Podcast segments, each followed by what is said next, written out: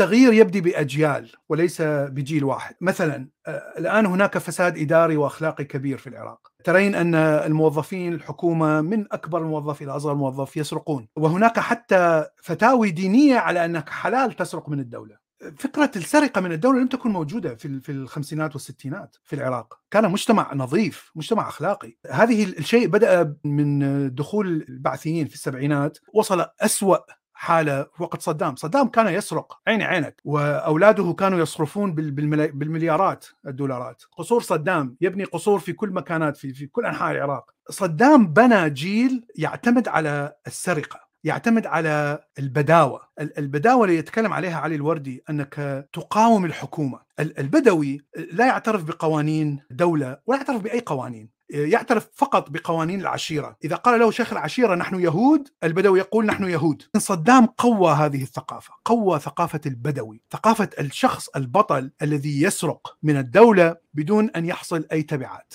لأنه هو كان يسرق من الدولة بدون أن يحصل أي تبعات. هناك أجيال ولدت في السبعينات الثمانينات التسعينات كل هذه الأجيال تعلمت هذه الثقافة. الشخص الذي يسرق من الحكومة يعتبر بطل والشخص الذي لا يستطيع السرقة يعتبر غبي يعتبر جبان. مم. الشخص الذي يستطيع بقوة الذراع أن يجلب حقه فكرة بداوة. لا يوجد احترام لأي قانون. الاحترام لشيخ العشيرة فقط.